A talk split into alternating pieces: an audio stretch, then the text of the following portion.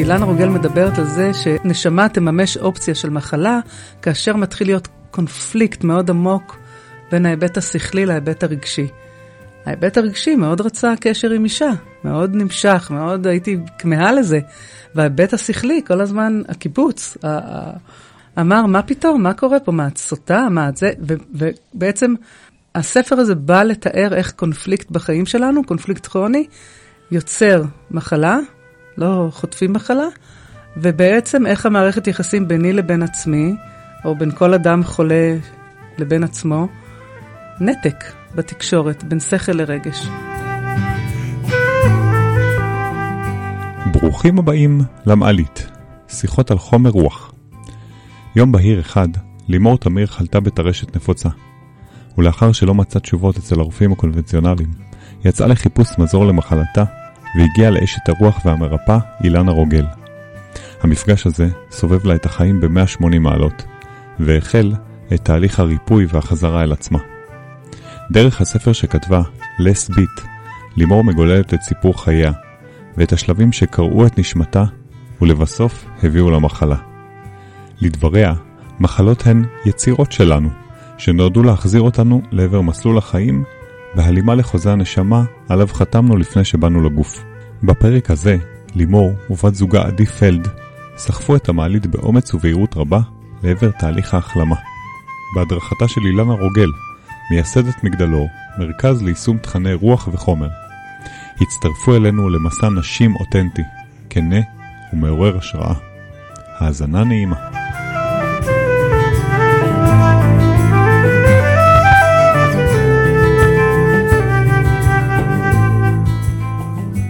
יושבות איתנו עדי ולימור, לימור תמיר ועדי פלד, שהגיעו אלינו ממרכז מגדלור. מרכז מגדלור, אני מזכיר לך, הוא של אילנה רוגל. ולימור תמיר מנהלת אותו.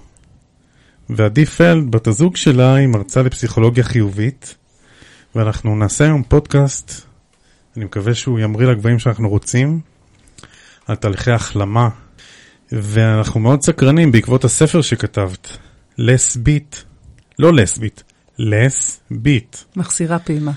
הספר הזה, תכף אנחנו נתעמק וככה תציגו את עצמכם וככה נתחיל לזרום. אנחנו, יש לנו אמירה כזאת שאנחנו צריכים להתרחק מהחוף כדי להרגיש uh, בנוח עם השאלות ועם הזרימה. אז אנחנו הולכים לדבר גם על הספר שכתבת ועל תהליך ההחלמה האנרגטי שעברת ועל התהליכים שאת עושה כתוצאה מאותו תהליך החלמה, תהליכים שאת מעבירה אנשים אחרים כמאמנת. ועל מרכז מגדלור, ובכלל כל מיני תובנות וחיבורים בין חומר לרוח. אתן uh, גדלות ליד uh, אילנה רוגל, שהיא סוג של uh, מטאור רוחני נקרא לזה, או שמש רוחני, או מגדלור. קוראים לזה איינשטיין, זה כמו לפגוש את איינשטיין קצת בגלגול הזה. אני okay. אוקיי. אהבתי שמישהו אמר באחד הפודקאסטים uh, שאילנה רוגל היא הרולס רויס של עולם הרוח. זה דימוי פשוט מדהים. אני רק בתור המנהלת של מרכז מגדלור רוצה לציין שעדי פלד עורכת את הפודקאסטים, את רוב הפודקאסטים של מגדלור, עם אילנה רוגל. היא לא רק כאילו ברייכמן, שזה הרבה, אבל מבחינת מגדלור היא, היא ומיכל זגון בעיקר. אז לימור, כן. ספרי קודם כל, למה בער לך להוציא ספר לעולם? קודם כל זה לא בער לי, אבל כתבתי למגירה והעליתי פוסטים בפייסבוק במשך שנים. קצת על הרגשות, קצת על זוגיות, ותמיד היו שם תובנות שקשורות לדרך שלי עם אילן, על ההסתכלות המתחדשת שלי עליי, על החיים, על מחלה. ואנשים נורא אהבו את הפוסטים האלה, וכל הזמן אמרו, נו, מתי הספר? תוציאי ספר. ואני כל הזמן, על מה, על איזה ספר הם מדברים? וזה ככה נמשך שנים, עד שהגיעה הקורונה, והיה זמן, והתקשרה מישהי שהיא עורכת ספרותית לקבוע תור אצל אילנה רוגל. אני אחראית על היומן של התורים גם. כי צריך לדעת להסביר למי מגיעים בתור הזה, היא לא תזונאית רגילה. התגלגלה שיחה עם, ה... עם העורכת הספרותית הזו. עוד בטלפון לפני. כן. כי היה לי זמן באותו, פשוט דיברנו על ספר והוצאת ספר, והיא אמרה לי, את יודעת מה, תשלחי לי איזה פרק ונראה על מה מדובר. שלחתי לה, mm-hmm. והיא אמרה לי, וואו, תשלחי לי עוד. ואמרתי לה, אני לא סופרת, אבל היא אמרה, לא צריכה להיות סופרת, את צריכה לספר את הסיפור שלך. וככה זה קרה, בקורונה היה זמן, וכתבתי. חיברתי הרבה פרקים שהיו לי במגירה, והיה לי מאוד חשוב uh, לשזור דרך הסיפור חיים שלי את, התובנות של הדרך והרעיונות של אילנה רוגל, כי, כי פשוט צריך להעביר את זה הלאה. את כבר היית חולה בטרשת נפוצה כשכתבת את הספר? בוא נגיד ככה, ב-2007 התפרצה המחלה. אז זה הרבה לפני. לפני 15 שנה, ואז הגעתי לאילנה רוגל אחרי כמה שבועות, ואז החיים שלי שינו כיוון בשנה הזו שפגשתי אותה. אני עם מחלה ברקע כל הזמן, אבל אני לא חולה. זו מחלה כרונית, היא באה בשביל להישאר. אי אפשר להבריא מזה. אז זה תמיד ברקע, אבל אני כרוני לא... כרוני זה אומר שיש בליפים של התפרצות? כרוני זה אומר שיש אה, אקדח שצמוד לרקה כל הזמן. ומאוד מאוד תלוי בהתנהלות שלי, אני יודעת איזה התנהלות שלי עלולה לדרדר את המחלה, או איזה התנהלות עלולה ליצור התקף במחלה, אז אני כל הזמן צריכה להיות מאוד נחמדה אליי. לאכול בזמן, לישון בזמן, לא לרצות, כל מה שקשור לבסיס של המחלה, אני צריכה להיות מאוד מודעת לזה, כדי שאני אחיה לצד מחלה כרונית, ולא, היא לא תנהל אותי, אלא אני אנהל את הדבר הזה. אז אני מנהלת את זה. אני לא הכי בריאה בעולם, אבל אני לא חולה בכלל, אם אפשר להגיד את זה ככה. יש לי מחלה כרונית, אבל היא לא פעילה כבר הרבה שנים, למרות שבשנה האחרונה קצת יותר קשה לי ללכת למרחקים ארוכים. פיזית. פיזית, שזה כן קשור למחלה, אבל בוא נגיד שאם לא הייתי מודעת לכל מה שאני מודעת ועושה את מה שאני עושה, כבר יכולתי מזמן להיות על כיסא גלגלים לדעתי. למה חטפת דווקא את הרשת נפוצה? אני לא חטפתי, אני יצרתי. יצרתי. אם אני חטפתי, אז אני קורבן. זה פסיבי, כן. זה מגדלור עכשיו, כל מה שאני מדבר עליו זה לגמרי אילנה רוגשת. זהו, אני חייב להגיד שזה מדהים, כי אני, יש לי פה פלאשים לישיבה עם אילנה פה, ומי כמוכן אה, יודעות גם אנחנו כמאזינים יודעים שלפעמים מאוד קשה להבין את, ה, כן. את הטרמינולוגיה. אתם מאוד אמיצים שהזמנתם אותה. והיא אמיצה שהיא באה. היא גם אמיצה שהיא באה, יש לה את האומץ מהסוג שלה, כן. כן. והיא ישבה פה בפינה הזאת. בעיניי יש פה איזה סוג של סגירת מעגל, כי היא דיברה על הרבה דברים שבאמת מי שמדבר את השפה וככה יודע לנהוג ברולס רויס של עולם הרוח, אז הוא באמת מבין מה, מה זה אומר. אבל פה יש באמת את, ה, את ההנגשה של הדברים. ואותי גם מרגש לשמוע את, ה, את ה, מה זה אומר ביום-יום, ולשם אנחנו צוללים היום, אבל אה, אה, גם לשמוע איך, איך זה פרקטי, איך המילים הגבוהות האלה, איך העולם ה, אה, הזה שבאמת, נראה לי שרוב האוכלוסייה לא, נכון. לא דובר את השפה, איך זה מתרגם להחלמה. נכון, אז קודם כל צריך ללמוד את השפה ואת הטרמינולוגיה, וזו העבודה של עדי ושל מיכל זגון רוגל, כלתה ושלי. אנחנו הצוות שעובד איתה, כל אחת בתחומה. המסע שלנו, מתוך רצון ובחירה, זה קודם כל להישאר כמה שיותר קרובות ולהיות איתה ולהתפתח ולפשט את הרעיונות שלה. אה, עדי עושה את זה בדרכה, מיכל בדרכה ואני בדרכי. אז אנחנו, כל אחד סוג של קסוטו כזה של אילנה רוגל. היא באמת שטר מאוד גדול, וככל שפורטים אותו, אומרים, וואו, בא לי לדעת עוד מזה. אז אני לא חטפתי מחלה, אף אחד לא חוטף מחלה, אילנה מדברת, וכל מיני אנשי רוח מדברים על זה שיש לנו חוזה נשמתי, שאנחנו כתבנו אותו עם הרבה מאוד אופציות של התפתחות. יש איזשהו סעיף של תזכורות בחוזה נשמה של מחלות. המחלות הן צומת של התפתחות, הן נועדו לומר איפה אני ירדתי מדרך המלך שלי בחיים שלי, וזו עצירה בשביל לחשב מסלול מחדש. ולמה דווקא טרשת נפוצה או סרטן שד או ריאות, זה כבר אה, נלמד בקורס שלה. הרעיונות הפילוסופיים הרגשיים של כל איבר, ואז בעצם ברגע שהבנתי מה המשמעות הפילוסופית הרגשית של מערכת העצבים ושל המערכת החיסונית, אז יכולתי בהדרכתה להבין איפה הנתק פה ביני לביני ואיך להתחיל להתנהל אחרת. אז רגע, אני חוזר אל הספר. כן. בספר קודם כל, אני קראתי אותו בשקיקה, אני קורא לאט. לא קראתי אותו בארבע שעות כמוך, עדי. לקח לי זמן, לא כי אני אה, לא קולט את הפרטים, אלא כקריאה פיזית, משהו בקטע האדמתי הזה של לקרוא לוקח לי זמן, אבל הרגשתי כאילו אני עולה על רכבת מהירה או אפילו מטוס, ופשוט טס איתך. זאת אומרת, משהו בקצב של החיים, של ילדת קיבוץ מחולדה, ילדת חוץ, ש... נכנסת למקום חדש כי יש איזה דחיפה מהבית ללכת לשם עם אימא שהיא עסוקה מאוד בעצמה, האנרגיה שלך היא טורפת. טורפת ונטרפת. תשמע, החוויה בקיבוץ הייתה טובה בשבילי. אני באתי מבית שלא היה לי כיף בבית. אז אני כאילו הגעתי למסגרת שיש סדר יום. בוא נתחיל מזה שבמבנה האישיות שלי, כפי ששמת לב בספר, אה, אני חסרת גבולות, אין לי גבול. אז גם בתור ילדה לא היו גבולות, אבל מה שבן אדם עם גבול הכי משווע זה לגבולות, למסגרת. ובקיבוץ דווקא הייתה מסגרת, והיה סדר יום, והיה מי שאומר מתי לאכול, מתי לישון, מתי... זה עשה לי טוב. היה שם את הסריטות של לגדול בלי הורים וילדת חוץ, ובסדר, אבל זה, זה בקטנה. אבל אני יותר רוצה להתייחס איתכם להיבט של חוזה נשמה, שהנשמה בעצם כותבת את החוזה, ואני התסריטאית, ואני הבמאית, ואני השחקנית.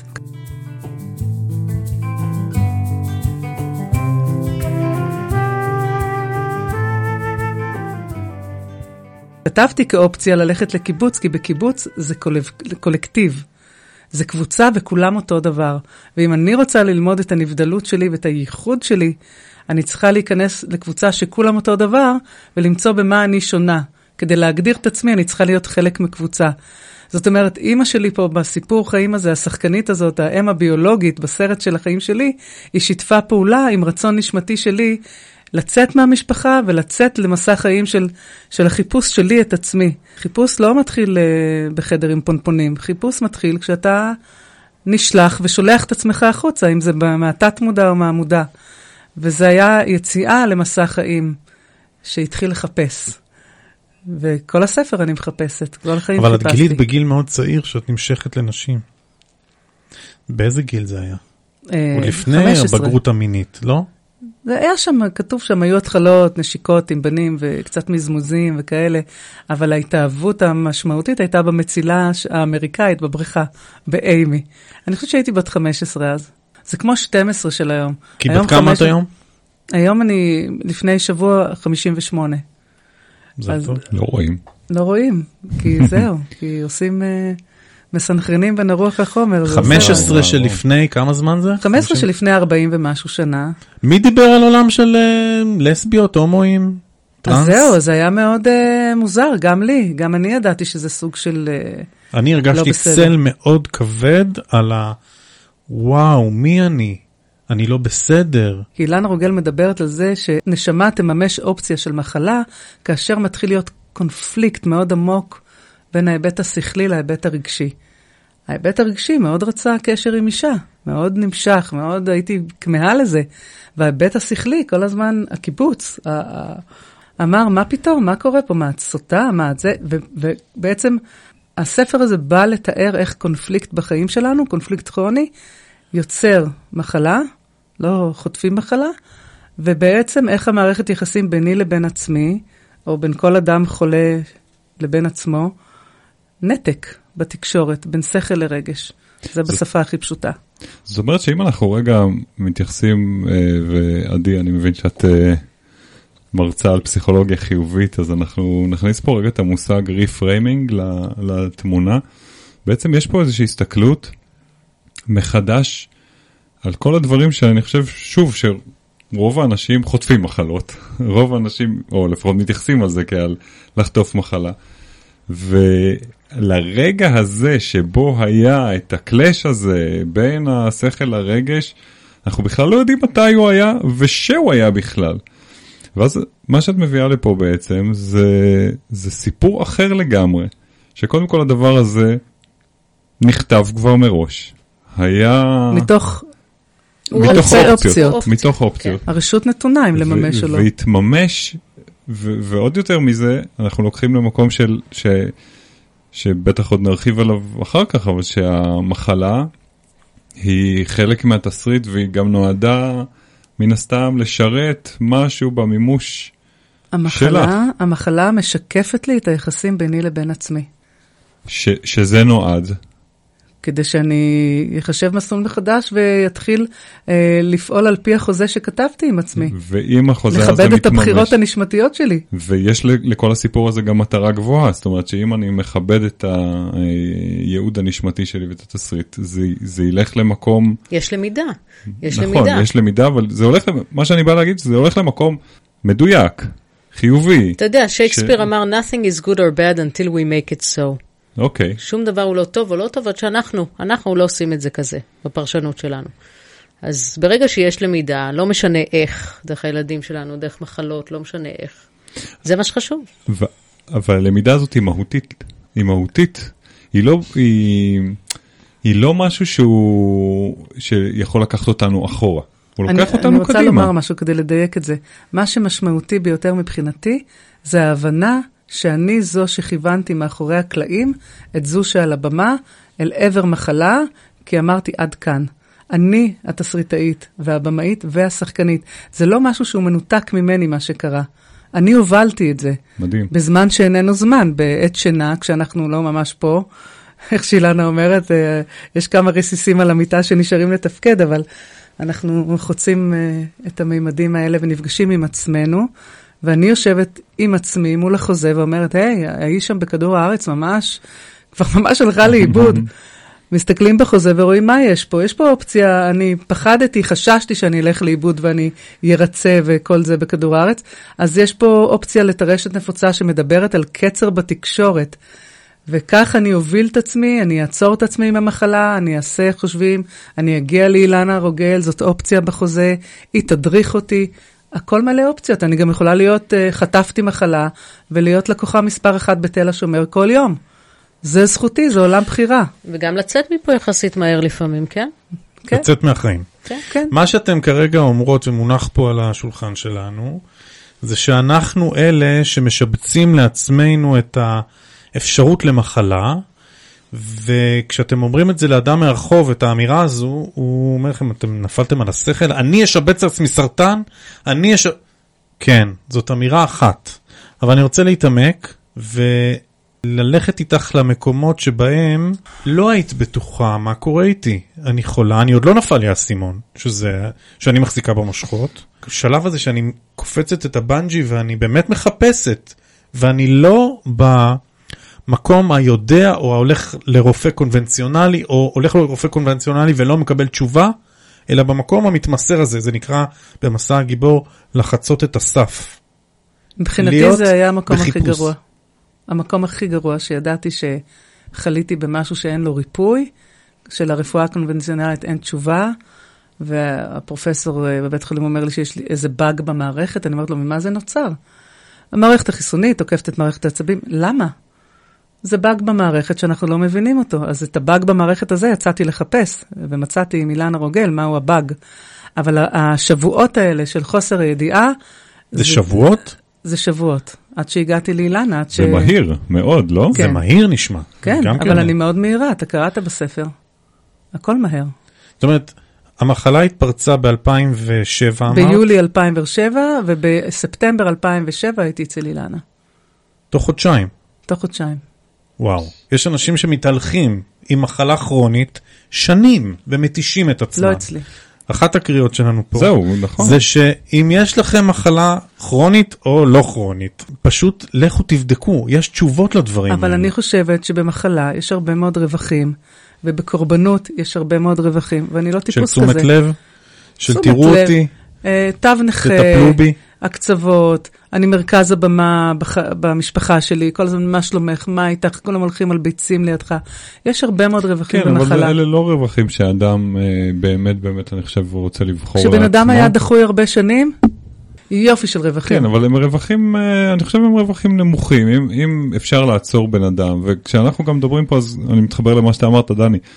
יש איזשהו מסר גם שעובר החוצה, ואם המסר הזה כבר עבר, והוא עבר גם אצלנו פה לא מעט פעמים, זאת אומרת לא להיות קורבן למציאות, אלא להכתיב אותה, אז כשעוצרים רגע ושואלים מה הרווח הגבוה, מה אני רוצה באמת להרוויח, זה לא להיות קורבן, זה לא להיות במקום הזה של תתייחסו אליי או שיהיה לי תו נכה. אני בטוח שכל אחד שחולה במחלה כלשהי, ישמח לוותר על תו הנכה ולקבל well-being. אני מאמנת אה, הרבה מאוד אנשים להחלמה, וזאת השאלה הראשונה, האם אתה באמת רוצה להיות בריא. לא כולם. לא כל הנשמות כל כך אה, אה, חרוצות, כל כך אה, הישגיות. אני בן אדם הישגי, אז זה בכל דבר זה מנהל אותי. אה, אני, אני גם לא אוהבת להיות תלויה. אני לא אוהבת להיות קורבנית. זה משהו, זה עניין של אופי.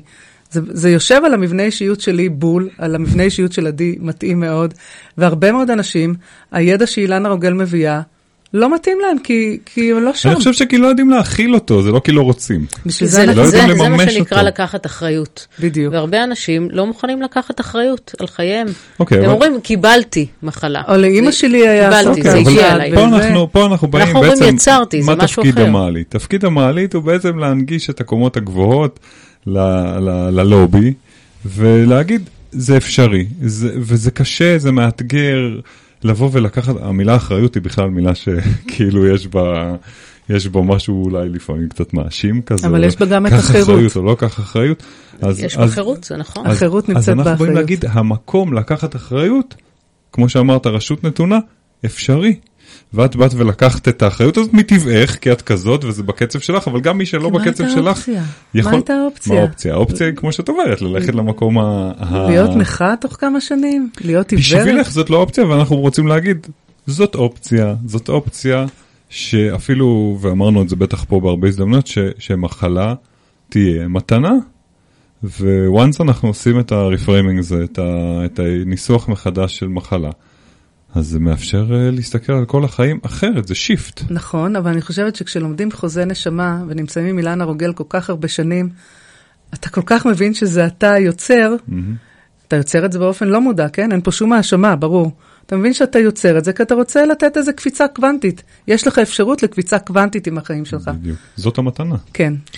את יכולה לתאר את הקטע שנפל לך האסימון? זה היה הדרגתי. קודם כל ישבתי מולה בפגישה, אה, כמו כולם בהתחלה ששומעים אותה, אה, 60 אחוז הבנתי, 40 אחוז לא הבנתי.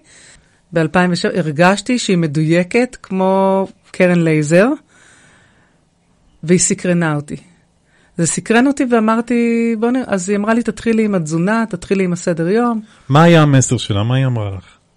שאני זוכרת? אפסיק, כן, שה... זה אני- מצחיק שאתה שואל, זה שעתיים פגישה. אין שם מסר אחד, יש שם. הרבה מסרים. הכותרת. טרשת נפוצה בכללי, זה מחלה שיושבת על מחיקת העצמי, ויתור על העצמי, ובשל זאת אובדן גבולות בנתינה ובריצוי. והיא אמרה לי, כל עוד את לא תשימי גבול בהתנהלות שלך, עלולה להיות לך מחלה עם הגבלה בגוף הפיזי. זאת אומרת, שאני הבנתי שכל הגבלה שמתרחשת בגוף שלי, היא סוג של סמן ימני שאני עוברת את הגבולות. יופי. האמת, אני לא יופי. לאתגר את זה רגע. רגע, שנייה. אני חוזר לספר. הספר, רגע, שנייה, תן לי לאתגר את זה רגע. תאתגר כי- ואז נחזור כי, לספר. כי אמ, האמת שקצת קראתי על טרשת נפוצה והבנתי שהיא לא כל כך נפוצה, לפחות מהכתובים, שהיא לא כזאת מחלה... היא נפוצה בגוף, זה אומר טרשת כמו רולטה רוסית, יכול להיות לא, פה, אני, שם. אני משחק רגע כן. עם המילים, שזאת לא מחלה מאוד אה, שכיחה. ו... באוכלוסייה. באוכלוסייה. אחד לכמה? ממש הרבה פחות ממה שחשבתי, שיש אה, יש כמה אלפים בכל העולם. בארץ. בארץ 6,000, כן. בעולם 3 מיליון, זאת אומרת, זו מחלה איזוטרית אפילו ברמות אבל ה... היא שייכת למחלות המוח המכובדות. ואז חשבתי שאני מכיר... תן כבוד! כן, סליחה. סליחה, יש כבוד אלצהיימר, למחלה. פרקינסון, מחלות מוח ש- מנוונות, ניוון של המוח. ו- וחשבתי על אנשים, ואני מכיר שלושה אנשים ש- שיכולים במחלה, שסטטיסטית אגב זה לא עובד, אני לא אמור להכיר שלושה אנשים. אה, והדברים שאת אומרת לגבי ויתור עצמי וככה עובד לי על שניים, על אחד ממש לא, הוא מפורסם, הוא מוכר, קוראים לו דיוויד בלאט, הוא מאמן כדורסל. אני רואה את הפרצוף אז תסבירי כי אני יודע קודם פחות כל ממה זה שאני יחסים אומר. בין האדם לבין עצמו. זהו, ואני אתה תוהה... לא יכול לראות את זה כלפי חוץ. אני תוהה מה יש שם, זה נורא מסקרן אותי. כי הבן אדם הוא יש- באמת יש- יש פרסונה, בשיא. המימוש, הוא מאמן, הוא זה כריזמטי, רואה, הוא. מוביל. זה מה שאתה רואה כלפי חוץ. המחלה היא תמיד יחסים בין האדם לבין עצמו. הוא כועס בפנים, הוא מוותר בפנים, הוא טוב בחוץ, הוא כועס בפנים. זה מחלה אוטואימונית, זה. תקיפה עצמית. זה, זה מקום לשים לב כאילו ל... כי הבן אדם הוא סקסס, כן? הוא המאמן הישראלי הכי טוב שיצא מפה אי פעם. סקסס בחומר. ו- ו- מבחינת הנשמה שלו הוא קצת ואנחנו יכולים פחות- לחשוב גם על עצמנו כסקסס, אבל, אבל יש בפנים את המערכת יחסים הפנימית הזאת, ש, ש, שקורית לדיוק דרך מחלה, או היא יכולה לקרות לדיוק אנחנו בכל מיני מכוונים את. עצמנו כל הזמן. ווואו, להקשיב לדבר הזה, אז. רגע, אני חוזר... אני לא בטוחה, אגב, שבתוך תוכו הוא לא סקסס, הוא פשוט נקרא אל הדגל, לעשות עם עצמו עבודה. הוא אומר לא לעצמו, אני לבינו." בתקשורת נפלאה כלפי חוץ, יש לי קצר בתקשורת ביני לביני. זה מערכת העצבים. וואו. אז אני רוצה לחזור למקום ה... אה, שנראה כאילו בסדר לרוץ בחיים ולהיות באיזה דיאלוג של איפה אני דרך אנשים שאני פוגשת.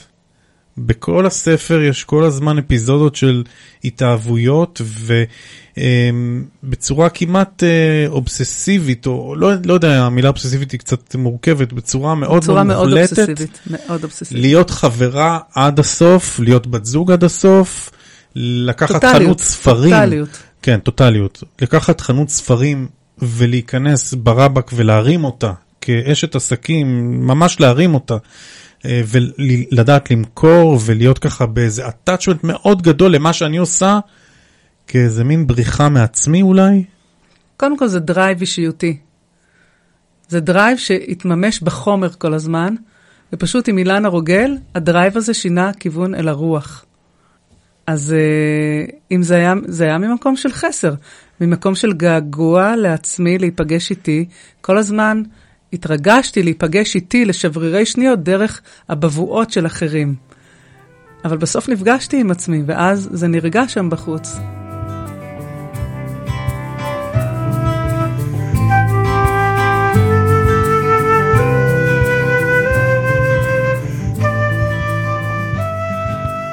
ספרי קצת על התקופה של אה, הליווי שלך של אה, סי איימן.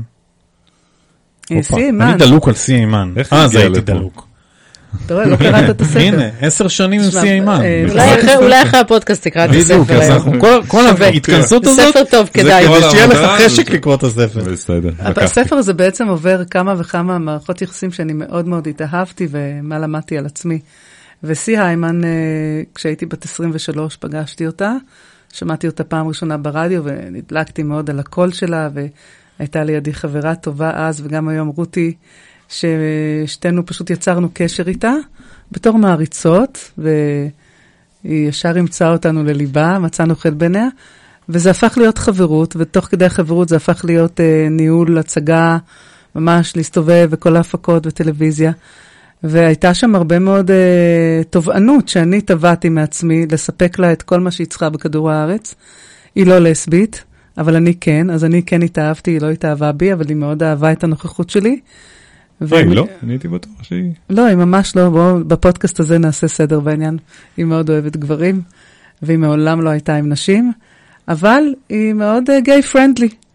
והיינו חברות מאוד טובות, אבל אני שם הרבה מאוד פעמים ויתרתי על עצמי ועל החיים שלי. אה, היו לי שם הרבה מאוד רווחים, היה לי כרטיס כניסה פתוח לכל מקום, היא הייתה מאוד פופולרית בשנות ה-90, תחילת שנות ה-90. וזה היה עוד מערכת יחסים שלימדה אותי כמה אני בן אדם שהולך עד הקצה, גם ביכולות שלי להגיע לאן שאני רוצה, וגם ביכולות שלי למחוק את עצמי. אז uh, קשר שמאוד מתאר את זה, כי כאילו מול סלבריטי זה קרה אפילו ביתר סט, מה שנקרא. אבל איך יודעים שאתה מוחק את עצמך? כי את מתארת מקום שאת לא יודעים. מממשת המון מהיכולות שלך, יודעים. את נהנית, את בקצב גבוה, את מחוברת לאנשים שאת מעריכה ואוהבת, את פעילה. אבל לא נפגשת איתי. מה זה אומר? מה זה אומר? איך בן אדם עכשיו זה אומר- שמקשיב, כולל אנחנו, נדע לזהות את הניואנס הזה, שהוא בעיניי מיקרו מיקרו מיקרו ניואנס. אז אני אתן לך דוגמה. פשוטה. אם אני לא בפעילות ואני ב... אני ב- בפעילות בחוץ, אבל אני לא בפעילות פנימה. איך אני יודע? כי, אני, אוקיי, כי בואו של נפשט. זה אדם לא פעיל... יודע, זה מרגיש. הבה נפשט, יש 24 שעות ביום לבן אדם, ש-12 שעות הוא ער. מתוך זה ביומן שלי כתוב ללכת עם שיא בבוקר לספר לעשות צבע, אחר כך לישיבת הפקה. הבלונד. בשעה חמש מגיע חזי הנהג ואוסף אותנו ונוסעים להופעה, וכשנוסעים להופעה אני השומעת של כל הסיפורים ומה קורה בחיים עם הבן זוג, עם הילדים, ואז חוזרים ועושים בייביסיטר וזה. זאת אומרת שאני כל היום אה, בשירות, בשירות. ציבורי, וזה נקרא לעבור את הגבול. רציתי ללכת לחתונה של חברה או משהו, אבל אני כבר מחויבת להופעה, ואני אני כבר מחויבת לחיים של מישהו אחר יותר מאשר לחיים שלי. אני שוכחת אותי. ואני קמה בבוקר ואני חושבת, אוי, כתבו עכשיו על שיא בעיתון, מה כתבו? ואני חייבת להגיב לעיתונאי הזה, ואני אני פשוט חיה חיים של מישהו אחר. אני לא חיה את חיי. מה שאת אומרת זה מאפיין רבים וטובים שעושים קריירה. אנשים שיום יום הולכים ו- ומתנהלים בחיים שלהם מתוך ריצוי, מתוך אבל היא לא הייתה הקריירה שלי. רגע, רגע, שנייה. תקשיב. היה לי לא. עזבי אותך, אני לוקח אותך עכשיו ו- אוקיי. ומשליך רגע על התנהגות אנושית כן, של העולם המערבי. כן. של אני צריך לפרנס אז אני צריך להיות הכי טוב, ואני צריך uh, קידום בעבודה אז אני רץ ומרצה את כולם, ואני רץ ורוצה גם להיות אבא טוב אז אני גם רץ אחרי הילדים שלי, ואני שוכח בדרך שיש פה אותי. וזה נורא נורא קל, זה מדרון חלקלק של לרוץ ולשרת את הסביבה ואיפה אני, עם מי אבל אני. יש לך מקומות, נכון? אתה עושה אייקידו. יש לך אני לא מקומות מדבר על שאתה דני. פוגש, לדוגמה מדבר- אבל, אבל יש לך את מקומות יודעת שאתה איזה פוגש עבודה זה. היה, עדי? להגיד, אני עכשיו מוריד את הפרנסה שלי, כי אני חייב לפגוש את דני, כי אני רוצה לעשות שינוי, כי כל פעם שאני עושה משהו ואני מגדל אותו, אני מקבל כאפה שמורידה אותי, ואני ביטאתי את זה פה בפודקאסט. זאת הייתה החלטה מאוד נועזת, ו- ולא פופולרית, ולא אחראית אולי, ותוך כדי שיחה עם איילה, איך, נ- איך, נ- איך נ- נאזן את זה, ומאיפה יגיע, זה מאוד, זה מאוד ללכת נגד הזרם. אבסולוטלי, אבל לפעמים, אתה יודע, אמרת את זה בהתחלה, אנחנו, כדי לגלות חופים חדשים, אנחנו חייבים לעזוב את חוף המבטחים. אז אתה הולך ואתה עושה איזשהו משהו אחר והוא בשבילך, וכשאתה מתחבר אליך, פתאום גם דברים אחרים מסתדרים מסביב, זה מה שקורה. אלא אם כן, אנחנו ראש בקיר, הולכים תמיד באותה הדרך, ואז לא כשזה קורה שום קורה דבר. זה מדהים. נכון. כשאת עוד לא שם, עדי, זה ללכת אל הלא נודע נכון. ואל הפחד וביג טיים להיות ו- שם. אלה הזמנים, אני אלה רק הזמנים. אומר, אני, אני מציין את זה כי אנשים רבים מסביבנו נמצאים בפוזיציה הזאת שעכשיו אה, לימור תיארה. של ה- לרוץ על הקריירה, לרוץ לרצות את ההורים, לרוץ לרצות את הילדים, לרוץ לרצות את הבן זוג בת זוג, ופתאום מתעוררים יום אחד, רגע? איפה אני? אני יכולה להגיב על זה רגע? קודם כל, רק, קודם כל מקרבת מיקרופון קודם פנים כל שלה. מיליוני אנשים חולים, אני לא החולה היחידה בכדור הארץ שהוזמנה לאולפן הזה. קודם כל את חולה הראשונה שהגיעה למעלית. אני המב- אני לא את לא חולה. חולה. קודם כל אני לא חולה. את לא חולה. אני? המבריאה. המבריאה. מבריאה. המבריאה הראשונה. שהגיעה. היו פה כבר מבריאות, בואו לא ניקח פה כן. זכויות אה, אבל אני. מבריאה נחמדה כזאת. תקשיבו, בעצם כל מה... מה- היא קיבלה אבל את הכיסא של המבריאות. כן, זה שאני ישר סתם, נמשכתי אליו. סתם, סתם. היא בחרה את הכיסא. בעצם, כל המהות של הסיפור הזה בכדור הארץ, אה, מה שלומדים במגדלור, זה היחסים בין אני לבין עצמי. וכמה אני אהיה לעצמי וכמה אני אהיה לסביבה שלי. ומה שאתה אומר פה, זה שרוב האנושות עוברת את הגבול שלה ועסוקה בריצוי. ורוב, ה- אה, לא רוב, אבל חלקים גדולים באנושות חולים במחלות אוטואימוניות. וזאת התקיפה העצמית, איפה אני שוכח את עצמי. אז אה, פשוט בא אני רוצה במלא- להעמיק את זה ולנסות לנתח מאיפה זה בא. אוקיי. זה לא מקרה שאנחנו... אני מלווה בעלי עסקים, ונתקל בתופעה של קושי לבוא לק... לקדמת הבמה. אני אצלם את עצמי, אני אופיע עם תמונות באתר שלי, אני אעשה סרטונים, אני אכתוב פוסטים בפייסבוק, ולי זה ברור מאליו שכן, אבל אנשים עוברים תהליך. עכשיו, ואז שאלתי את עצמי, רגע, למה בן אדם חולה במחלת הצניעות השיווקית? מה קורה פה? והמסקנה שלי, תוך כדי למידה בתודעת העל, והבנה שאנחנו לא באים לפה טבולה ראסה, יש פה רקורד נשמתי, אנשים חיו במשך שנים במצב, בגלגולים קודמים של אני חייב לשרוד, אני חייב לקיים את המשפחה שלי, ואני כל הזמן עובד כלפי חוץ כדי להסתדר בחומר, אין בכלל דיון עם הנשמה, כי אני במקום שאני חייב לשרוד.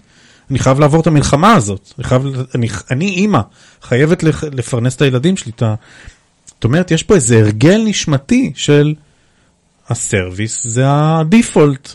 השירות, נכון, לא בעידן שלנו, אבל אנחנו מביאים זיכרונות נשמתיים שרגילים לשרת את הסביבה ולשכוח את עצמנו. אתה פה קצת מחפש תירוצים למה אנשים שוכחים את עצמם.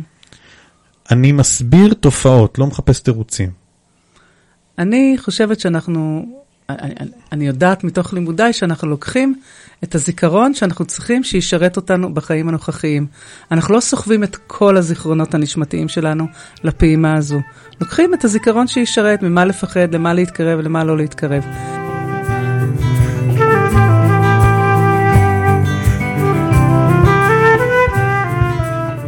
עד כאן החלק הראשון של לסבית. בחלק השני נמשיך במסע של לימור תמיר ועדי פלד לניו יורק, בעקבות הקריירה של עדי, ולחיבור ההדרגתי לאילנה רוגל. נשמע איך המשיכה לעולם התוכן העצום של אילנה הביא את לימור להפיץ את המסר, כאשר קיבלה על עצמה לנהל את מרכז מגדלור, במקביל לאימון והנעת תהליכי החלמה אצל חולים במחלות קשות. תודה שהאזנתם. תוכלו לשמוע אותנו באפליקציות השמע השונות ספוטיפיי, iTunes, גוגל פודקאסט וגם ביוטיוב. באתר המעלית תוכלו להירשם לקבלת עדכונים על הפודקאסט במייל בכל פעם שנוציא פרק חדש. תודה שנכנסתם איתנו. למעלית.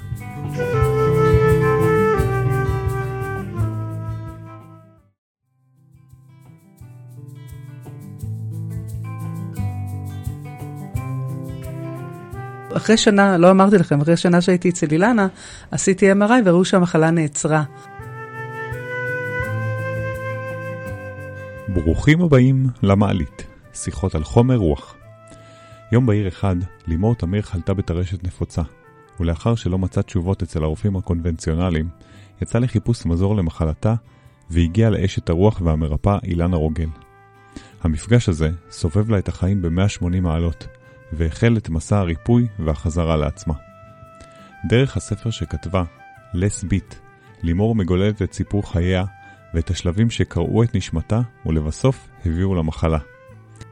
הפרק השני עם לימור תמיר ועדי פלד לקח אותנו להמשך המסע של השתיים בניו יורק בעקבות הקריירה של עדי, ואל החיבור ההדרגתי לאילנה רוגל. המשיכה לעולם התוכן העצום של אילנה הביא את לימור להפיץ את המסר כאשר קיבלה על עצמה לנהל את מרכז מגדלור, במקביל לאימון והנעת תהליכי החלמה אצל חולים במחלות קשות. מסע הריפוי הוביל לשליחות, לעזור לכמה שיותר חולים לקחת אחריות על היכולת שלהם להחלים. הפרק הזה מוקדש לחיי כל מי ששיבץ לעצמו, או לעצמה, מחלה, כחלק מהחיים, ומבקש או מבקשת להבין את המסר, ללמוד ולהמשיך להתפתח. אנו מודים ללימור, עדי ואילנה על המסרים מעוררי התקווה שהכניסו למעלית. האזנה נעימה.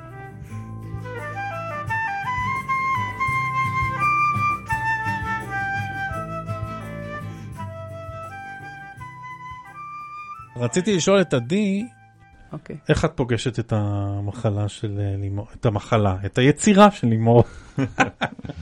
תשמע, אני פוגשת את זה כבר הרבה, הרבה שנים. פגשתי את זה בגיל 29, אני הייתי בת 29 כשהיא חלתה. כולה הכרנו איזה שנתיים, וזה היה מין כזה צומת דרכים כזו, האם אה, אה, ממשיכים או חודלים. כן, זה חלף לך בראש? ברור, ברור שזה חלף לי בראש. ברג, לימור ברגע? הראשון. כן, אבל יש איזה משהו בלימור שהוא מאוד, אה, תמיד אומרת שהיא אה, פסיכולוגית חיובית מטבעה, שאני הייתי צריכה ללמוד את זה, אבל היא ממש, היא כזו.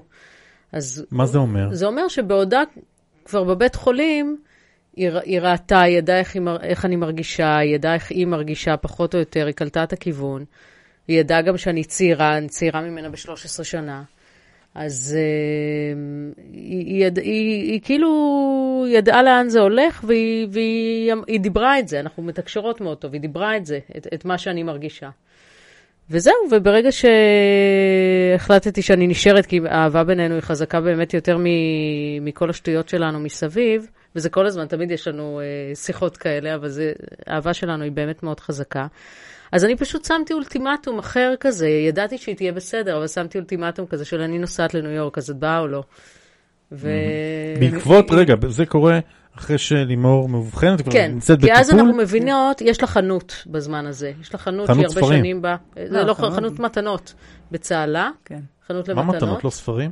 ספרים לא, היא גם, עבדה, היא-. היו שם גם ספרים, ספרי מתנות, לימוד, אבל ספרי רוב- לימוד. זה- זה היה, זה היה אבל חנות למתנות אוקיי. בצהלה, וזה היה מכרה זהב. ומבחינתם, ברגע שהכרתי אותה, היא אמרה לי, אני לא עוזבת פה, אין, אין סיכוי. ולי היה חלום לנסוע לניו יורק, אבל זה לא היה ריאלי. נכון, אני, יש לי blackout, מה קרה אז? אז ברגע שאמרתי, אוקיי, יש פה מחלה, אז יש פה אפשרות לשינוי, אז בוא נעשה שינוי, אני רוצה לנסוע לניו יורק. קפצה על העגלה. אז, אז בואי לניו יורק. אז את רוצה, נמשיך להיות ביחד בכיף, בואי לניו יורק. והיא באה. אז פה אני הייתי צריכה להחליט מה אני עושה. היה לי ברור, אני הייתי מאוהבת בה ברמות קשות. תקרבי מיקרופון. הייתי מאוהבת אז ברמות קשות, אחרי, זה היה אחרי שנתיים ומשהו שהיינו יחד, היה לי ברור שאני לא נפרדת ממנה. אבל היה לי איזשהו אה, חלון הזדמנויות לעשות שינוי אצלי, כי פתאום המחלה הגיעה. אז הייתי צריכה למצוא פתרון לחנות. אה, מהון להון עשיתי לה סאבלט לשנתיים, ונסענו שהיא תלמד את נכון, ואז היה את. השתי נשים האלה ש... השתי מפלצות, כן. כן, אוקיי. אבל גם שיקופים, לא האמנתי בעצמי וכל מיני כאלה, לא הקשבתי לעצמי. בסוף יצאתי מזה בשלום איכשהו, והם שילמו את מה שהם היו כמה צריכות. זמן הייתם בניו יורק? שנתיים. עשיתי. תואר שני, חיינו את החיים, היה לנו כיף נורא, ונאלצנו לחזור, כי עמדו לגנוב לנו את החנות. כן, ונסענו באנציקלופדיות של אילנה רוגל, והבאנו את אילנה רוגל לניו יורק, וכבר אילנה נכנסה חזק לסיסטם, אז uh, אני כבר כאילו, אחרי שנה, לא אמרתי לכם, אחרי שנה שהייתי אצל אילנה, עשיתי MRI וראו שהמחלה נעצרה. זה מה שבעצם יותר ויותר הכניס אותי mm. לגישה ולתפיסה הזו, ושרציתי, כבר הבנתי שיש שם משהו בשבילי, מעבר ל- למכור את האנציקלופדיה הזאת בחנות שלי. כבר זה סקרן אותי ברמות שאמרתי, היופיטר הזה שלי, שלא יודע גבולות, כבר נורא נורא רצה לעבוד עם אילנה, משהו, ש... משהו שיחבר בינינו. אז בניו יורק כבר דיברנו על זה שנזמין אותה להרצאה, כשהיא נסעה לדרום אמריקה, ואמרנו לה, בדרך חזרה תבואי דרך ניו יורק. לקחנו איזה מקום שדיפאק צ'ופרה עושה שם הרצאות, לקחנו מקום מדהים, Meta Center, והיא באה ונתנה הרצאה. ובסיום ההרצאה הזה... בעברית. בעברית. עם, ו... עם המתורגמנית של הספר באנגלית. כן, הספר על רוח וחומר תורגם לאנגלית, ואחת מהמתורגמניות חיה בניו יורק, והיא ישבה על הבמה, ואילנה דיברה, כי אילנה מתקשרת רוב השיח. לא יכולה לדבר את זה באנגלית באותו רגע. והיית פשוט תרגמה אותה אונליין כזה, והיה מהמם. ואחרי זה החלטנו להקים את המרכז, כשנגמרה ההרצאה הזו. מרכז מגדלור. נכון. כן, ואז כבר היה לי כיף לחזור, שאני יודעת למה אנחנו חוזרות בארץ. נחזור שנה הבאה, וכבר יש לאן. אז כבר ידעתי שאני נפרדת מהחנות. איך היה המצב הרגשי שלך? זאת אומרת, את... היה פה, אמרת שזה כמו קפיצה קוונטית. זאת אומרת, אני פוגשת את אילנה רוגל, אני נוסעת ל... לניו יורק, עוברות שנתיים. אני פוגשת את אילנה רוגל ואני מתחילה ללמוד שפה, משום שהיו לנו מאות ואלפי שיחות טלפון שהיא מתקשרת אליי או אני אליה. כשאת בחו"ל. גם פה. כשאני בחו"ל, עדי באוניברסיטה. ימי שלג, היא יושבת בבית ומדברת ו... איתה שעות. אני מדברת וואו. איתה והיא מדברת איתי, והיא מסבירה לי דברים שאני כמעט ולא מבינה. אבל מה שאני מבינה, אני בוואו. ואז אני אומרת לה, ומה זה המילה הזאת? רגע, ומה זה נקודה סינגולרית? ולא הבנתי מה זה הפלוס והמינוס. ו... והיא מתחילה להסביר לי, ואני מתחילה להיזכר. אני לא לומדת את זה ורושמת את המילים שהיא אומרת לי. Mm-hmm. ותוך כדי אני מתחילה להבין שיש לה איזשהו אינטרס רגשי לשתף אותי במחקרים האלה ש... why the fuck, אני, אני כותבת גם בספר שלא גמרה כיתה י' בקושי, הגאונה הזאת משתפת אותי ברעיונות מטורפים על ריפוי. היא שמה עלייך עין כבר אז, בלי ש... אז מסתבר שהיה לנו חוזה. עכשיו אני יודעת שהיה חוזה, ואנחנו גם בוחרות ברגע נתון של זמן לממש, כשמי שמחברת בינינו בכלל זאת עדי. שזה בכלל מיכל ועדי שמטיילות, מיכל זגון רוגל שמטיילת לפני החתונה עם, עם הבן של אילנה, בדרום אמריקה עם עדי, והן חוברות, ולעדי... בגיל 19-20. לעדי יש איזה עניין רפואי, מיכל שולחת אותה ל, ל, לחמותה לעתיד. שהיא רק הכירה אותה. שהיא רק הכירה, ואחרי עשר שנים בכלל, 12 שנה, אני חולה, ואז עדי אה, נזכרת באילנה רוגל, ומשהו פה... כשאתה יושב כאילו בפנטהאוס פתאום ומסתכל על, על הדרך, אז אתה מבין איך נכון. כל הנשמות... All the stars aligned. Uh, בדיוק, all the stars aligned אומרים. Yeah, אז זה כוח אדיר, זאת אומרת, וזה כמו נס, כאילו, אתה מסתכל על זה, אתה אומר, איך כל דבר הוביל לכל דבר שהיו החיבורים האלה ככה שאני אעבור דרך כזו של התפתחות. זה, אחד, אותי זה מאוד מאוד מרגש, קטעים כאלה. שתיים, זה כאילו מראה את ההופכיות של החיים. מאז יוצא מתוק. כאילו מהלבן נהיה, מהשחור נהיה לבן. איזה מין אה, דואליות כזאת, שממחלה יש בריאות. ואז אתה מבין שהמחלה היא לא נגדך. היא צומת, מה תעשה איתו? יש פה נקודה מאוד מהותית, וזו הנקודה שאת מביאה לפה. אני חושב שכולנו נמצאים בה בתוכה באיזשהו מקום, וזו הנקודה של החקר, להיות מוכן לחקור לעומק את מה שקורה. כי באמת אין, כמו שעדי, את אמרת קודם, אתה תחליט אם זה סיפור טוב או לא סיפור טוב, אם זה לטובתי או לא. אבל once אדם מוכן להיות במקום של, אוקיי, קורה פה משהו, עכשיו אני חוקר את הרבק שלו, אני בסקרנות, ואת תוך חודשיים הגעת, ואת בקצב באמת גבוה, תוך חודשיים להגיע למישהו שייתן לי כבר תשובות, ואז ליצור קשר, ואז להגיד, למה לעזאזל שהבן אדם הזה ידבר איתי, אבל לא לבטל את עצמי, גם לא להגיד, אה, ברור, כי אני מדהימה וצריך לשתף אותי, אלא לנסות להבין, אני חושב שברגע שאנחנו בחקר, ובאמת בסקרנות, אז אנחנו רואים ש... שכל הכוכבים, אה, כן, מתיישרים. ומתי זה מגיע? כשמגיעה כזאת מחלה, שאין לה הסבר, ואז לימור אומרת, אני הולכת עכשיו ברבק למצוא מה השורש של הדבר הזה. זה החקר, בגלל זה הוא נעשה, שלא תחשוב, בחודשיים האלה היינו אצל מלא חולי טרשת נפוצה, להבין מה עובר עליהם, מה קרה להם, לאן הם הולכו, הולכים, הולכות, בעיקר הולכות. אז, אז אני, אני חושב שמחלות, בגלל שרב הנסתר על, על הגלוי ואנחנו חווים אותם בגוף, אז אנחנו אה, באמת לוקחות אותנו לחקר. כן, לא, אני מכיר הרבה אנשים שלא היו בשום סקרנות על שום דבר, חטפו, סתם. יצרו. קיבלו, יצרו מחלה. צ'יצ'ו, אני רוצה לקרוא, ואז... להחליף את המילה חקר בהתמסרות. אפשר להוסיף או לה. פתיחות. וואנס אנשים אה, אה, קיבלו את מתנת המחלה הזאת והתחילו לפתוח, גם נפתח עוד ערוץ של לראות את ה... כן, אנחנו נגיד את המילה הזאת, החיובי שבעניין.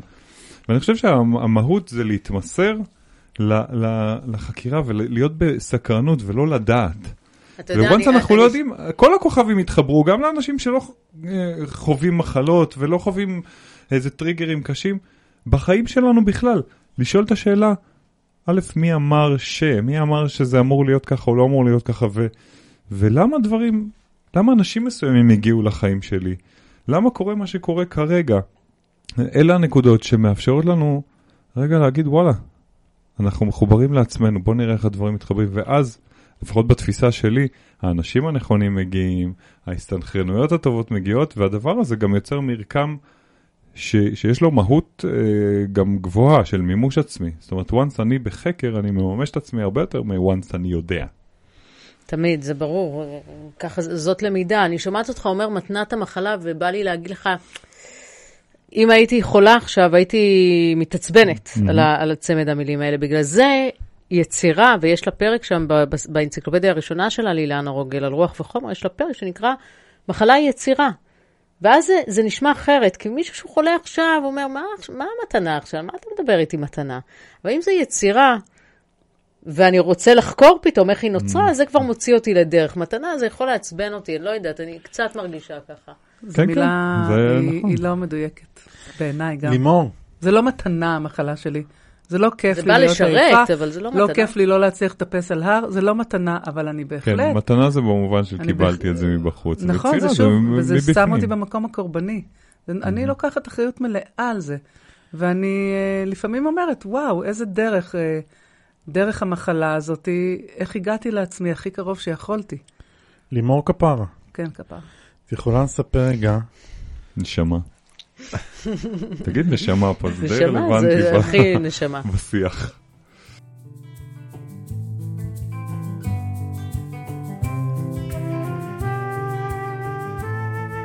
would you like to share? את רוצה רגע לס... לא, אני רוצה את זה ככה. מתוך המקום הזה שלך והדרייב, הדבר הראשון ש... אני ולימור מתכתבים כבר די זמן, מאז שכתבתי את האימייל וככה נוצר קשר עם אילנה, אבל היה איזושהי הפסקה ואז התחלנו להתכתב עוד פעם ואז קראתי את הספר והיה לי יומן דיווח לך. כן, דיווחתי לך. מה אתה עובר עם הספר? ואת אותה אינטנסיביות פגשתי אתמול כשבאתם שתיכן.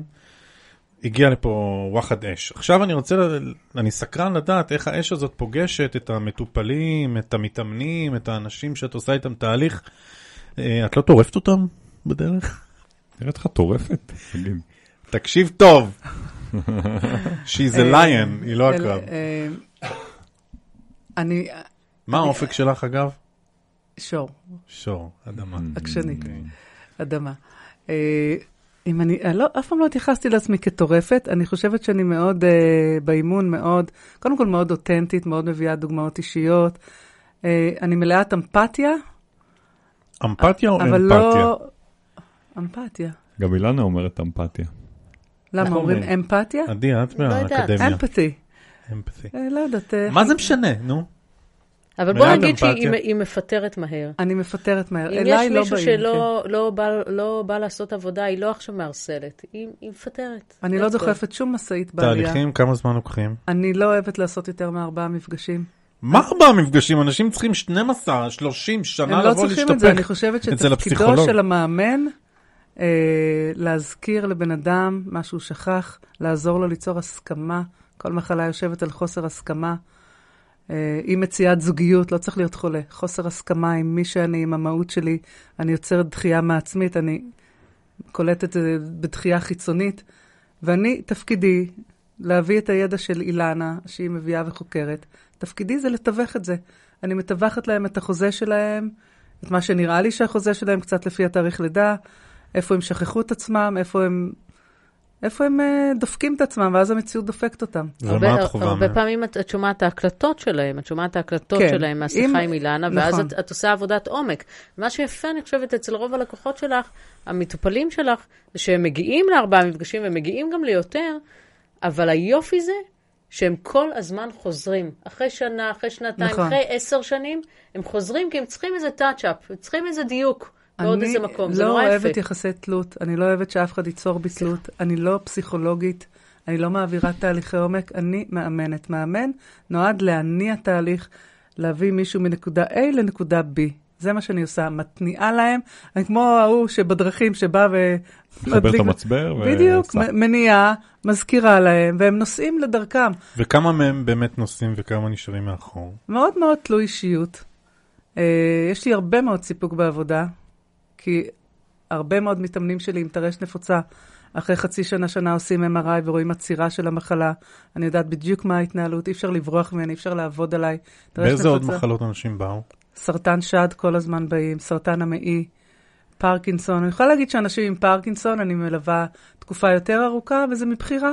וזה גם, יבואו לארבעה מפגשים להבין את הרעיון של אילנה מלמדת, ואני מעבירה להם את זה, ו...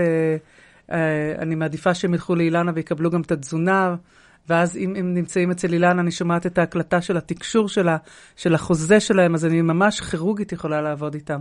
אני פשוט לוקחת את מה שהיא מביאה במסרים על ההתנהגות שלהם, ואני מתחילה לבדוק איתה בחיי היום-יום את המערכות יחסים שלהם עם עצמם. למשל, אה, הרבה אנשים מדברים על זה שאין להם זוגיות. אז אני לפעמים נותנת איזה מין שיעורי בית כאלה, שיכתבו לי מה זה אינטימיות. והרבה אנשים אינטימיות בשבילם זה להיות עם מישהו, להתנשק עם מישהו, להתחבק איתו, איש סוד, איזה... אנשים מפרשים אינטימיות כיחסים חיצוניים, ואינטימיות באנגלית זה intimacy, זה me. עד שהם לא מבינים את האינטימיות בינם לבין עצמם, את, ה, את החמלה בינם לבינם, את זה שהם דלוקים על עצמם. אם בן אדם לא דלוק על עצמו, אז אף אחד לא ידלק עליו. אני גורמת להם להתאהב בעצמם בתהליך הזה, וכשהם מתאהבים בעצמם הם יוצאים החוצה, והחוזה שלהם כבר ממגנט את מי שהם צריכים למגנט. יש לי תחושה של רוגטקה עם, עם קלע כזה, כאילו, מה זה אקזקט, בול. אז זהו. יופי. אבל, אז זה, זה מה שאני עושה איתה. אני, בא לי להקשות. יאללה. אני שותה מים. תשתי מים, כי את הולכת לקבל פה יאללה. שאלה. המילה אילנה רוגל עלתה פה 700 פעם. 17 פעם לפחות בשעה הזאת. כן. ואת מדברת על התמסרות לעצמך. ואז את מדברת על, על זה שאת מביאה את הדברים של אילנה בעצם. כן. ו... מטווחת אותם. מטווחת אותם. זה לא רעיונות שלי. ואני שואל בקול רם, מה מותר אה, אילנה רוגל משיא אימן? כי המקום שזה שדיברת עליו, של, ש, ששם התפרצה המחלה, הייתה במקום ש, שעבדת עם C והיית כולך לשירותה. ומה קורה כרגע? איפה I, אנחנו בנקודת הדיוק הזאת? אני מבינה את השאלה. ההתמסרות היא בילט אין בתוכי, אבל ההתמסרות היא קודם כל לי. יש לי את החיים שלי, את הילדה שלי, את הזוגיות שלי, מה שלא היה לי פעם כשהיה C. יש לי את הסדר יום שלי, ויש את העבודה שלי לצד הגאונה המדהימה הזאתי. ואני בן אדם שחשוב לו קרדיט ברמות, זה אחד הדברים הכי קשים במגדלור, זה כל הזמן לשמור על כל הגנבות האלה ממגדלור. Mm-hmm. וזה לא, לא תפקידי, דעת. אבל זה מפריע לי. חשוב לי מאוד להגיד אילנה רוגל כל חמש דקות שאני יכולה בראיונות, משום שאנשים לא יודעים לעשות את זה. משאנשים קונים את הספר שלה, כן, ואחרי כן, זה שואל, מדברים, כאילו הם כתבו את זה. הסיפור האישי שלי, אני לא הולכת לאיבוד שם. אני יכולתי ללכת לאיבוד, אבל יש מולי אישה שגם לא נותנת לי ללכת לאיבוד. היא לא נצלנית. אנשים אחרים שהייתי איתם במערכות יחסים היו נצלנים. אז, אז זה מאוד עוזר לי שהיא גם לא מייצרת תלות בה, ואני מאוד הפנמתי את ההתנהגות הזאת לחיים שלי. שאני לא נותנת לאחרים לייצר תלות בי, אבל אני מאוד מסורה לעבודה שלי איתה. אני חושבת שאחת אה, אה, הלמידות אולי הגדולות בכל הנושא הזה של טרשת נפוצה, ספציפית, זה כל השימת גבולות. אז זה באמת לשים גבול, להגיד אני עובדת עד 4-5, אחרי זה אני לא עובדת. אה, בזה אני כן, יותר מתקשה. אבל, אבל את משתפרת. נכון. זה לצאת לחופשים כמו שצריך, זה לאכול ארוחת בוקר איתך, זה להיות איתך, את עושה את זה לא מעט. נכון. אומרת, נכון, יש לך את העבודה שלך, אילנה רוגל זה עבודתך, ויחד עם זאת, לשים גבול, זה הלמידה הגדולה. זאת אומרת שהמקום הזה של uh, to be זה עבודת חיים. for, הוא, הוא עבודת החיים שלך. זה עבודת המהות, חיי. ואפילו אה, תוך כדי שדיברתם פה, וככה העבודת חשבתי, חיים היא שימת גבולות בתוך הדבר הזה. כן. לא משנה עם מי. אני בלי העבודה שלי עם אילנה לא הייתי מצליחה לבנות את עצמי כמאמנת ייחודית, כמו שאני. כי אני יחידה שמאמנת לפי, דפוס, לפי הדפוסים האלה. ויכול להיות שגם, ככה אני מכניס רגע לראש שלי, בראש שלי, יכול להיות שבלי עבודה עם C, בכלל לא היית מתרגלת יכולות אתה צודק שמשרתות אותך אחוז. כרגע ב-? בלהביא להביא קולות. של אחרים. אני כל הזמן ביני לבין עצמי תוהה, רגע, זה הקול שלי? להביא קול של אחרים, או שזה לא הקול שלי ואני זה מאבד פה הפילטר משהו? שלך, אתה מביא את זה דרך הפילטר שלך, דרך התודעה שלך, דרך השפה שלך. הרבה אנשים מדברים רעיונות של אחרים, אבל אה, למשל, אני מדברת אילנה, אנשים אוהבים לשמוע אותי מדברת על אילנה, כי הם סוף סוף מבינים הרבה דברים שהם לא הבינו. יש לי את היכולת לפשט. אני מרגיש ככה עם תודעת העל. כן, אתה מקבל איזושהי הבנה, אתה בודק אותה על עצמך, אתה מביא אותה החוצה, אתה בודק האם זה מדויק, והרבה פעמים אמיתות שהחזקתי בעבר, שהבנתי שהן לא מדויקות, נטשתי אותן וזזתי הלאה. ואז אנשים אומרים, דני, מה, אתה משנה את הדעות שלך? כן, ברור שאני משנה, שאני משנה את הדעות שלי, כי החיים מתקדמים וגם ההבנות מתקדמות, ומה, אני אאחוז בישן כל הזמן? הרי זאת האבולוציה, נכון. להתפתח ולהבין.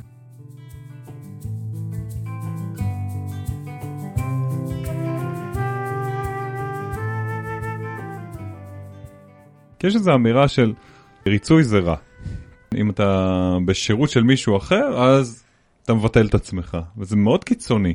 זה- במקום הזה, אה, דווקא פה זה להיות ב- של... ברצון ולא בריצוי, אילנה אומרת, להיות ברצון ולא בריצוי זה משהו אחר. לבחון ו- את זה כל הזמן. ובמקרה שלה, באמת, טרשת נפוצה זה ה-environmental pleasers, זה אנשים שהם בריצוי סביבתי כל הזמן. בלתי. כאילו, ב-DNA שלה, מה שהיא אמורה ללמוד זה לשים גבול, בהכל. בטלפוניה, בקשר שלה עם יובל הבת שלנו, הנה אני מזכירה את יובל הבת שלנו, כי היא תמיד אומרת, למה אתן לא מדברות עליי? הנה, אני מזכירה אותה. 20 שניות של אה, חסד. בת כמה היא? היא בת שבע וחצי. ואתם לראשונה עזבתם אותה אחרי כמה זמן? שנים. עזבתם אותה לרק... הרבה שנים עזבנו אותה. עזבתם אותה ל-48 שעות? קודם כל, אה, היא ממש ביקשה את זה. נכון. וואלה. אחרי זה. התלוננה אחרי זה. קודם כל אני רוצה להודות ליובל, לזה ש- שחררה. לזה שהיא כן. אפשרה לנו להיפגש כן. עם שתי האימהות שלה. ואנחנו פה מדברים ברומו של עולם, אבל בסוף יש פה ילדה שמחכה, ועוד מעט אתם תפגשו אותה, נכון. נכון? נכון, אנחנו- אנחנו נצא מפה בול בזמן כדי לאסוף אותה. מאיפה? מחברה מחברה שלה. שאספו אותם ביחד מהבית ספר, יאספו אותם בשתיים. כפרה על כולכן. ותודה יודע למה לך שהזמנת אותנו. תודה לשניכם. זה שלב ההודיות? ובזכותך יש לנו, כן, כתוב פה תודה למעלה, אז בזכותך יש לנו פה, היה לנו פה יומיים אה, אחרים. קודם כל זה לא בזכותי, מי שזרקה את החכה הזאת לימור. אני כמו דג נאמן, באתי ותפסתי. אני דן-. נאמן. It's a tango. לקחת אחריות.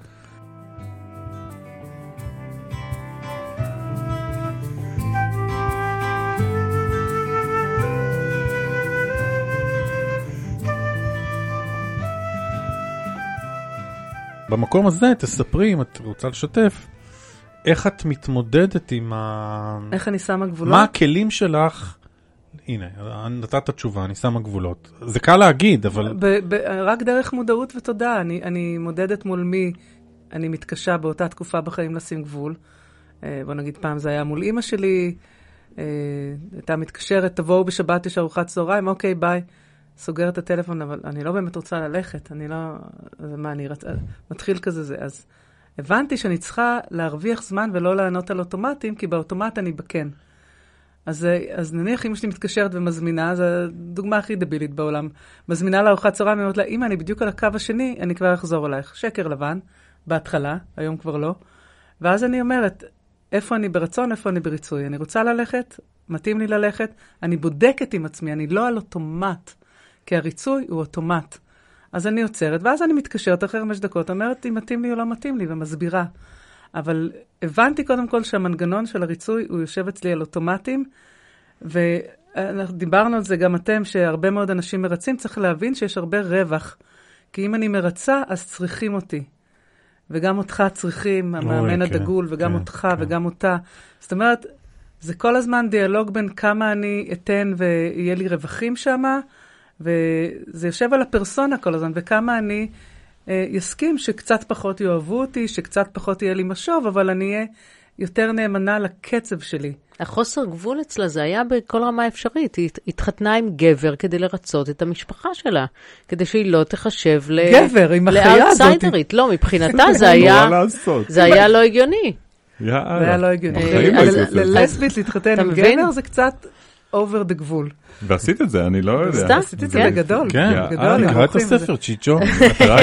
זה ספר. תקשיב, אני- אתה עולה על אני טיסה. המהות שלי היא בעצם ליצור אה, טריגרים. אנחנו כל זה מנהלים כדי לשכנע אותך לקרוא את בדיוק. הספר לא, בעצם. יש לנו מאזינים שהם בעצם עכשיו הסתקרנו בזכותי, כי אם כולנו היינו יודעים מה קורה אני רוצה בספר, להגיד זה לך היה מה- משעמם. משהו על אבל- הספר, רק כן. שכל מי שקורא אותו. שזה, אף פעם לא שמעתי כזה דבר על ספר, כל מי שקורא אותו, כולל אני, הדבר הראשון שהוא אומר, או שלא קראתי מלא זמן, ואת זה הורדתי בנשימה, באבחה אחת, כאילו הורדתי את הספר, לא יכולתי לעזוב אותו. כולם אומרים אותו דבר, זה ווירד.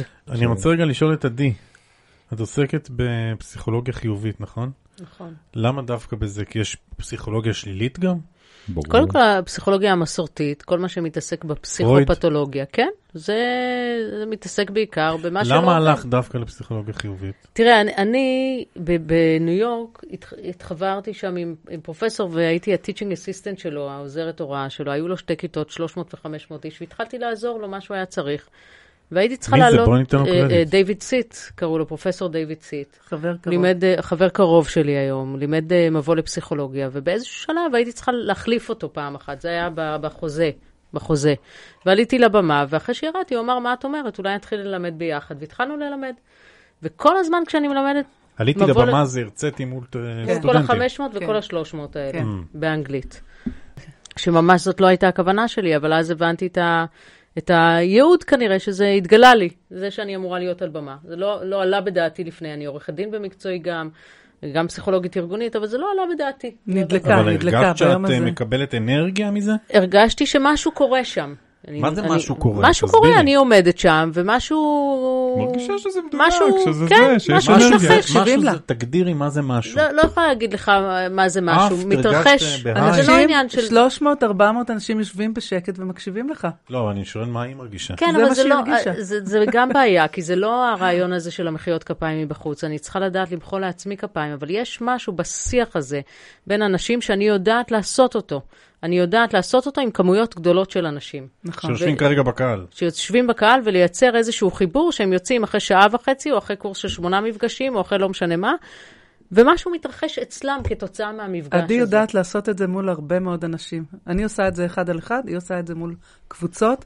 אנחנו מקבלים מכתבים ומיילים אחרי רגע, הסיום רגע, זה. שנייה. פשוט מדהים. יש הרבה אנשים שמרצים על כל מיני נושאים, ויש אנשים ששרים לקהל. אז אתה וזה. שואל למה פסיכולוגיה חיובית? כי בדיוק. כל הזמן, איכשהו, בגלל התפיסה של אילנה, שאני חיה אותה כבר מגיל 21, כמו שלימור אמרה, אמרה לכם מקודם, אני הכרתי ביניהם, אז אני חיה את זה, ולכן כל הזמן משכתי לכיוון החיובי. פסיכופתולוגיה, אבל כל הזמן משכתי לכיוון החיובי. ואז דיוויד אמר לי, תשמעי, יש אחד, טל בן שחר, בואי ניסע לארץ, הוא בא איתי לארץ, ממש הכניס אותי למשרד שלו ברייכמן, וטל בן שחר בדיוק פתח את מרכז מיטיב לפסיכולוגיה חיובית. היו צריכים מרצים. באתי יחד עם עוד הרבה שהתנסו, והייתי היחידה שהתקבלה. התקבלתי, נהייתי מרצה יחידה במרכז מיטיב.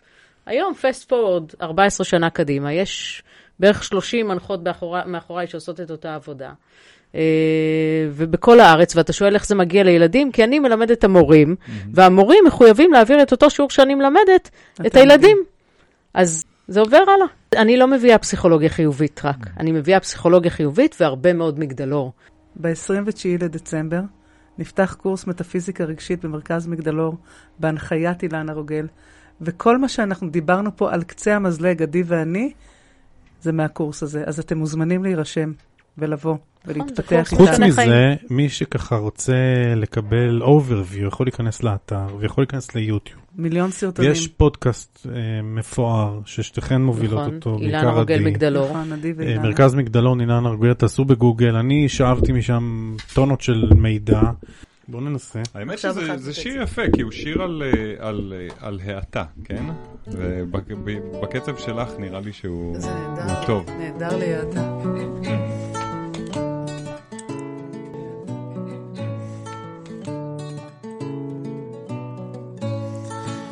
Slow down, you move too fast. You've got to make the morning last. Just kicking down the cobblestones. Looking for fun and feeling הנה groovy. ניו יורק חוזרת אלינו. Ba da da da da da, feeling groovy. למפוסט. Hello, lamppost, what you knowin'? Come to watch your flowers growing. Ain't you got no rhymes for me? Do do do do, feeling groovy. Da da da da da da, feeling groovy. I've got no... I've got no deeds to do, no promises to keep. I'm dappled and drowsy and ready to sleep. Let the morning time drop all its spells on me. Life, I love you, always groovy. Da da da da da da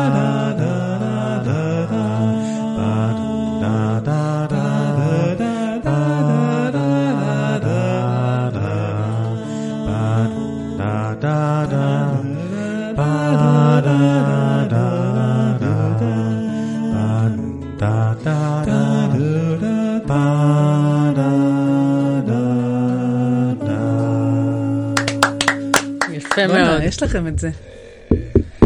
יש פה איזו הרמוניה יפה. אתם התאמנתם על זה? כאילו, שנים וזה? לא, אבל מה, אתם תמיד שרים את אותו שיר או שכל פעם יש שיר לנו אחר? כמה שירים אה, שאנחנו תמיד שרים. אוקיי. אתם תמשיכו יש את לשיר נעימת יחד לפעמים? המעלית. אנחנו נמשיך לשיר יחד לפעמים? כן. אני חושבת שזה חשוב לבריאות שלכם. בעיניי בהחלט.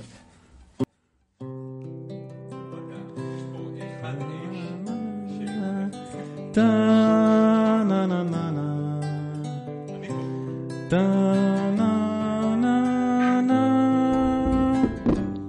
זו הנעימת פתיחה.